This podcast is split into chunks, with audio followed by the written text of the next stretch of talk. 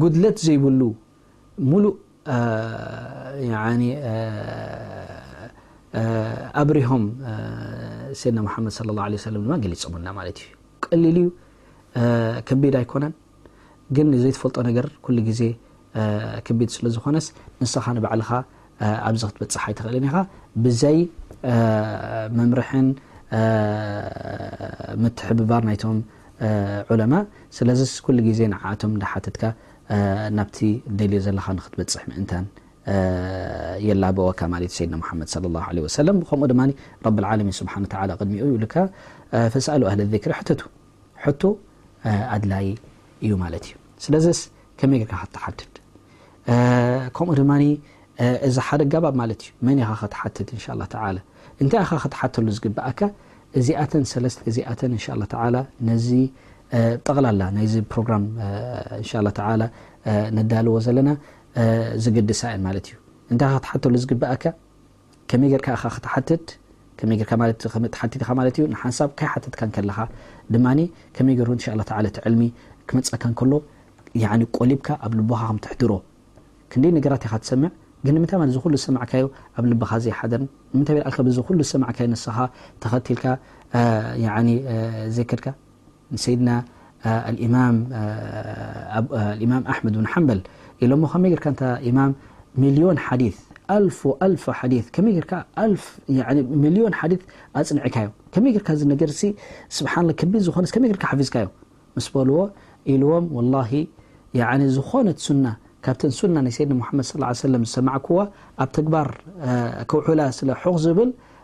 ያዕኒ እዚኤን ቀሊለን ዝሰማዕክዋ ኣብ ተግባር ኣውዕላ ዝኾነ ዝሰማዕክዋ ኣብ ተግባር ኣውዕላ ብኸመይ እዩ እዚ ኩሉ ዝሰማዕክዎ በቲ ኣሓዲት ናይ ሰይድና ሙሓመድ ሰለላሁ ዐለይሂ ወሰለም በቲ ቃል ናይ ሰይድና ሙሓመድ ሰለላሁ ዐለይሂ ወሰለም ኣጽኒዐየን ሓፊዘየን ይብለና ማለት እዩ ኢማም ኣሕመድ ብን ሓንበል ከምኡ ድማ እቲ ተማሃራይ ዝኾነ ተዓለምካዮ ኣብ ተግባር ተውዕሎ ንኻልኦት ተሕልፎ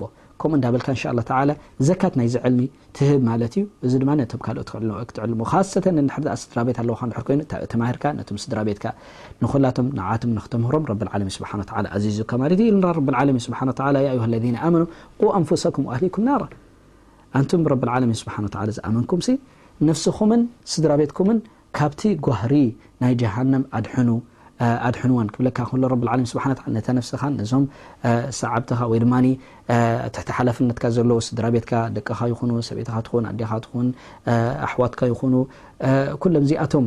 ትሕቲ ሓላፍነትካ ስለ ዘለዎ ንስኻ ተማሂርካ ነቶም ካልኦት ድማ እንሻላ ንክተምህሮም እንታይ ኢኻ ሞ ክትመሃር ከመይ ጌርካ ኢኻ ሞ ተፅንዖ ከመይ ጌርካ ኣብ ትግባር ተውዕሎ እዚኣ ካልኣይቲ ጉዳይ ማለት እያ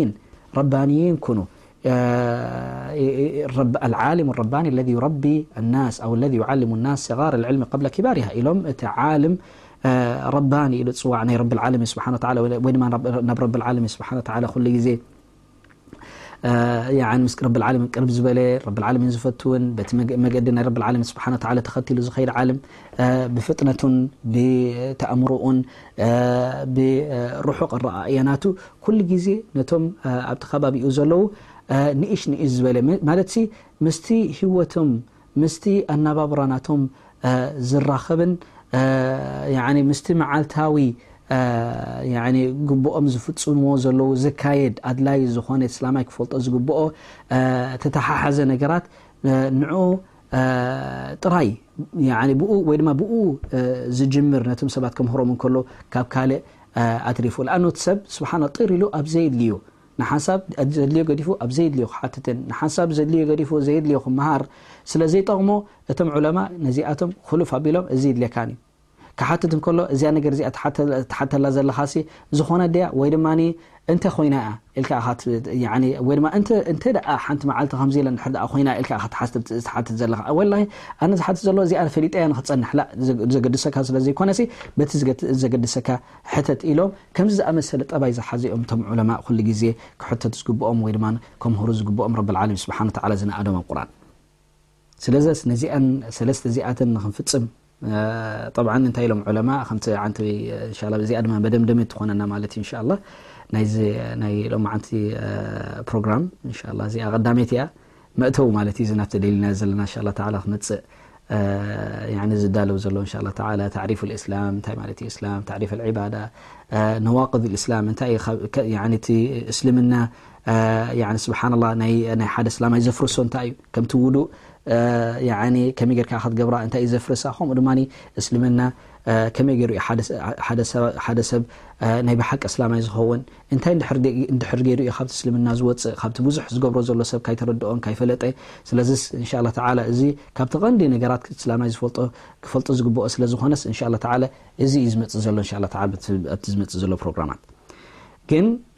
መደምደምቲ እንሻ ኣላ ተዓላ ብዛ ናይ ሎማዓንቲ ሓደ ሰብ እዩ ሓደ ቆልዓ ቅድሚ ሕጂ በረኻ ዝበሃል ያዓኒ ወጺኡ ይፈልጥን ናብ በረኻ ዝበሃል ወጺኡ ይፈልጥን ምስ ኣዕሩኽቱ ሓንቲ መዓልቲ ከም ገለ ኢሎም ማለት እዩም ያዓኒ ኣብቲ ገማግም ናይታ ንእሽተይ ዓዲ ዝነብሩላ ዝነበሩ ይኸዱ ማለት እዩ ሕጂ እናኸዱ ከለዉ ድምፂ ሰምዕ ሕጂ ግልፅ ኢሉ መን ኣሎ ድዩ ብዚ